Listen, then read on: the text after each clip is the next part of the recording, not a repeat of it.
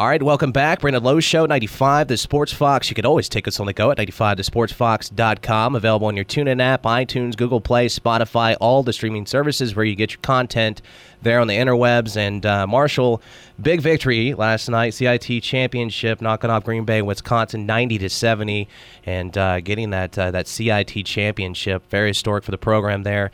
And uh, I want to get more on this from sports director at WSAZ Television, Keith Morehouse, joins me on the program. Keith, always a pleasure having you on, my friend.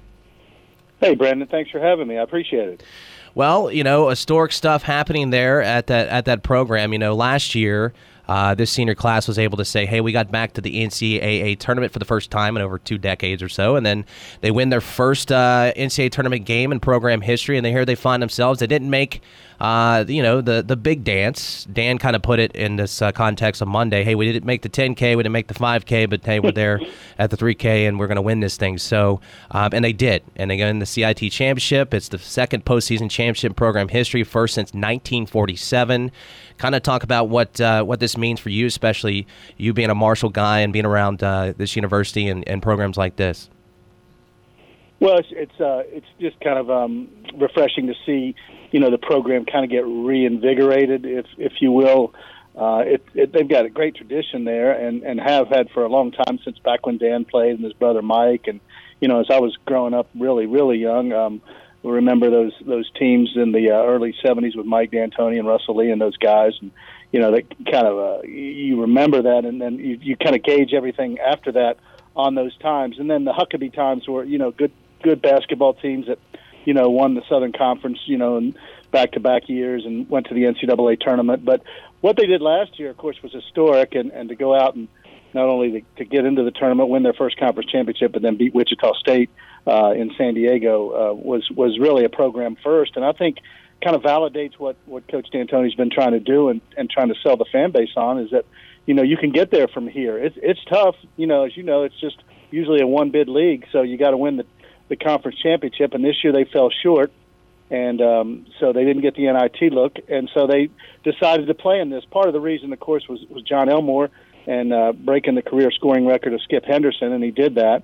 And you also as you know, Brandon, you got to get your team uh, engaged. They've got to want to play in these things. If not, you're really just going to go out, go through the motions, and you're going to get beat. It happened under Donnie Jones when they had a couple of teams go uh, to the CIT and CBI, and same story for Tom Herrion.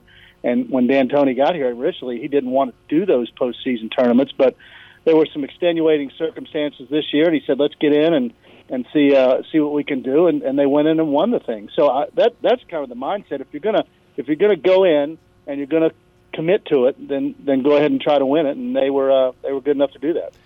Yeah, and this group, I talk, you know, obviously D'Antoni knows these guys better than me, but when I look at these guys, you know, they want to play together. They want to play and they ultimately want to play together and they want to represent this university as much as they can. And for them to get a chance to continue their, their season as seniors, talking about this uh, historic senior class, and you mentioned guys like Jon Elmore, to be able to do that – uh, and have that type of uh, group of guys to even play in the CIT is, I think, is special. And it says a lot about what D'Antoni does as far as recruiting and getting guys, as you say, buying into the program.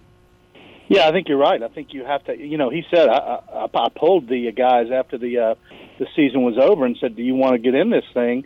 And he said it was almost unanimous. So there might have been a couple of guys who said, "I'd rather go on spring break." But if you got ten or eleven guys that that want to that are all in, uh, then go in and, and play hard. And and there's it's funny because they're at home and they're playing teams that you would think that you know they should beat uh, just from looking at resumes, but when you get into tournament basketball, there's even more pressure on you because it's one and done, and you're playing at home. So uh, these teams are wanting to come in and knock you off. So um, it's it's uh, it shows that they did want to be there. And you know, first half they were down 13 last night, and C.J. Burks just decided to take over the game.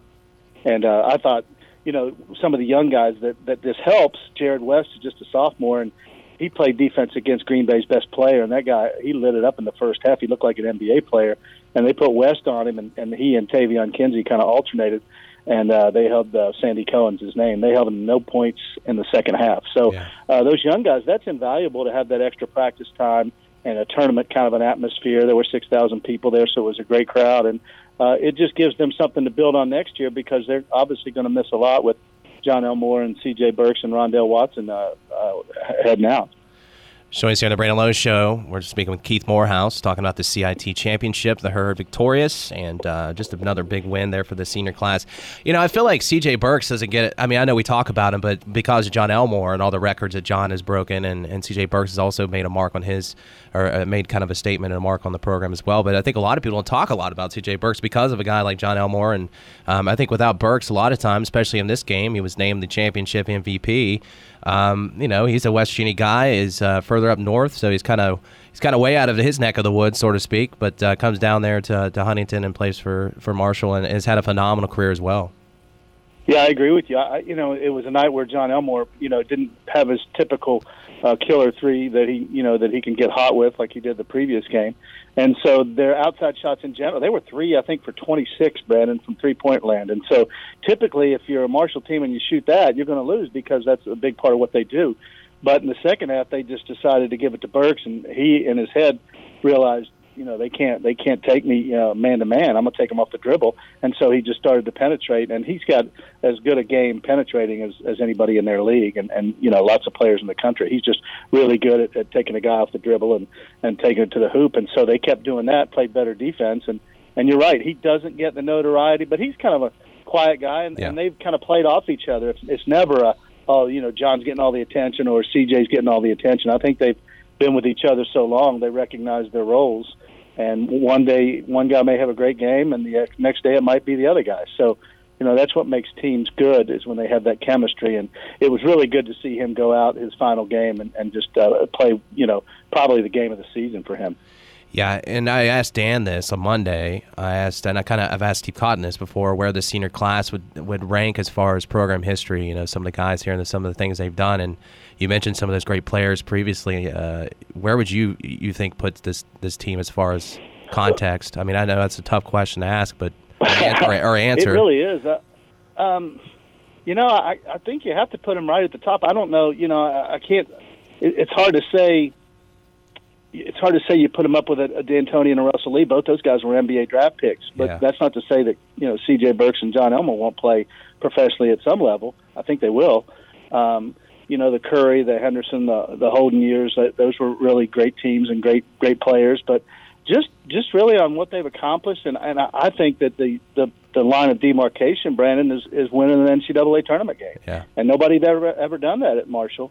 And so for them to go out and do that, I, I think puts them kind of in some rarefied air by themselves until someone comes in and wins a game, you know, two games, or gets to the Sweet 16, which which hasn't happened. I think everybody's barometer is that NCAA tournament and conference championships, and and uh, so I'd, I'd put them right up there with those guys. Not maybe not an individual talent, but collectively as a class, I'd, I'd put you know those three guys uh, right up there with the best that Marshall's ever had. You know, I had this conversation you're talking about playing professionally somewhere, whether it be the NBA or playing overseas, and you know everybody seems to be really against. You know, well that guy's going to play Euroball, and I'm like, dude, I'd, dude, I'd rather play in Spain making six digits a year than playing in you know in San Antonio or Phoenix for you know whatever money. I I, I don't have nothing wrong with going and playing in Europe and eat nice food and you know seeing you know being somewhere else. Uh, so it's a win. No, I, I absolutely agree. You know, you get to go see the world.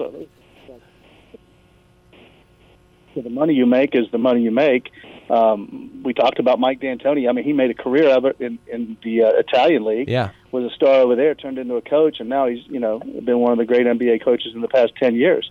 So you can parlay that into into lots of good things. So, and I agree, it is so hard to get to the NBA. I mean, you have to have a, a certain amount of God given talent, obviously, and a work ethic. And I, I've always said I think it's the hardest league in the world to go pro in. You got what twelve spots a team, yep. and the talent level is just incredible. So if you know you're not six eight and you can't handle the ball and you don't you know even if if you're that big and you can shoot it, I mean it's just it's just the the talent level, the elite level of that athlete is incredible. So for those guys to go somewhere else and you get to do what you love and see the world and make some money, I, I'm on board with you, man. I think it's great. Yeah, sign me up, man. There's no there's no losing in that situation. No, you go I agree. NBA, you go somewhere else. Jon Elmore, uh, speaking of him, uh, recently named. Uh, this just came down. 2018-19 Senior Class Awards second team. Um, so another uh, mention there for Jon Elmore, just a tremendous career. Definitely will be playing professionally uh, somewhere. So we wish all those guys luck. What's the future like for you, man? You know, you got you got guys like Kinsey on that. I mean, we kind of talked to Dan about it on Monday, but um, Dan's definitely already put together. He's going to be young. You know, there's mostly sophomores and you know some young mm-hmm. cats there, but uh, he's got a lot of talent there, though. Well, he does, and and you know he's got guys that have sat out, which will help them physically. Taevion Kinsey will kind of be the leaders, and they've still got Darius George and Jannson Williams back, and Iran Bennett, you know, and and uh, the guys sitting down. I mean, people forget Jeremy Dillon was a great player at Mingo Central. He's he's kind of carved up his body. They got a point guard from Kentucky who scored more than 3,000 points in high school, and he's probably the heir apparent to uh, Jon Elmore. And Cameron Brooks Harris is a six-seven kid, you know, that played with T- Taevion Kinsey in Ohio, so they know each other well. So they've got a lot of weapons, and he'll he'll recruit some. He's got a couple of recruits coming in, and uh, I guess probably the biggest transition for them, Brandon, will be, uh, you know, when it's crunch time, who are you going to give the ball to go get you a bucket? You know, that that's that's that Jon Elmore and C.J. Burks were so good at. Uh, so that's that's going to be a learning process. But the one thing about Coach D'Antoni in this system is if you play that system, everybody gets involved, and so instead of having two 20 point game of scorers, they're going to need you know maybe five guys that score seven or eight a game, you know, to make up for that for the absence of those two. But um, I remember everybody thought, oh, what happens when Marshall lost James Kelly and Stevie Browning and Austin Loop and those guys, and the next year they went to the NCAA tournament. So um, you know, he just he's trying to build a program. You know, not not with JUCOs, not with grad transfers necessarily, but bringing as bringing them in as freshmen and letting them evolve with the system, and that works best for him because his system is fun to watch, but it takes a, a particular kind of athlete, and and you got to you got to buy into it.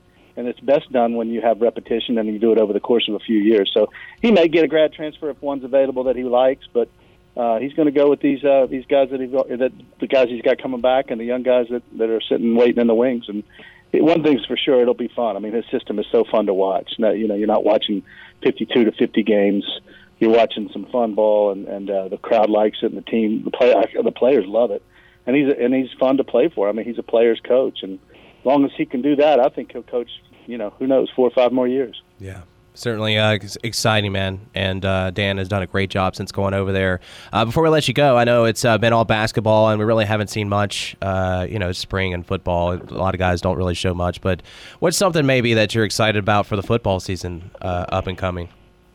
Well, I think they I think they've got some talent coming back. You know, they've got. Um, you look at their biggest losses on I think the defensive side with you know Chase Hancock and that linebacking core that you know have have all graduated, but you know, on offense, I think Isaiah Green showed a little bit in that bowl game what kind of offense they can run with him. A lot of you know misdirection, and you know uh, they really, uh, I thought, let kind of took the reins off him a little bit against South Florida down there in Florida, as they won that game. So I think he's you know he's obviously going to be the guy. Uh, their backfield should be good with that Brenden Knox back. He's kind of the power guy, and Tyler King's the speed guy. So they'll have some weapons. They'll have to replace you know Tyree Brady outside. He was their best receiver. He's going to get drafted here coming up soon. And so they've got, but they've got guys. You know, Obi Obialo was a good player for them last year, big physical receiver. Um, so they're going to try to find some help at receiver. But you know, the secondary comes back intact. They they lose Ryan Bee on the defensive front and Malik Thompson, but they've got they've got a couple of guys up front that that are, should be pretty good. They, they should be Brandon. You know, picked uh, among the leaders in their league, and and they've got a good schedule with Boise State and I think Cincinnati this year, and so uh, I think they've got a lot of optimism coming up. Uh, lost some, some key pieces, but you know it's all about who's next, right? Who's going to come in and step up, and so we'll see. We'll see that coming up soon. Yeah, done a great job of scheduling those non-conference uh, games. Uh, had Mike Hamrick on a few weeks back, and we kind of talked about that, and uh, just uh, good stuff, man. All right, Keith, appreciate your work. He is sports director there at WSAZ, Keith Morehouse. Always pleasure having you on the program, man, and uh, enjoy the rest of your evening. Brandon, appreciate talking to you, man. Take care.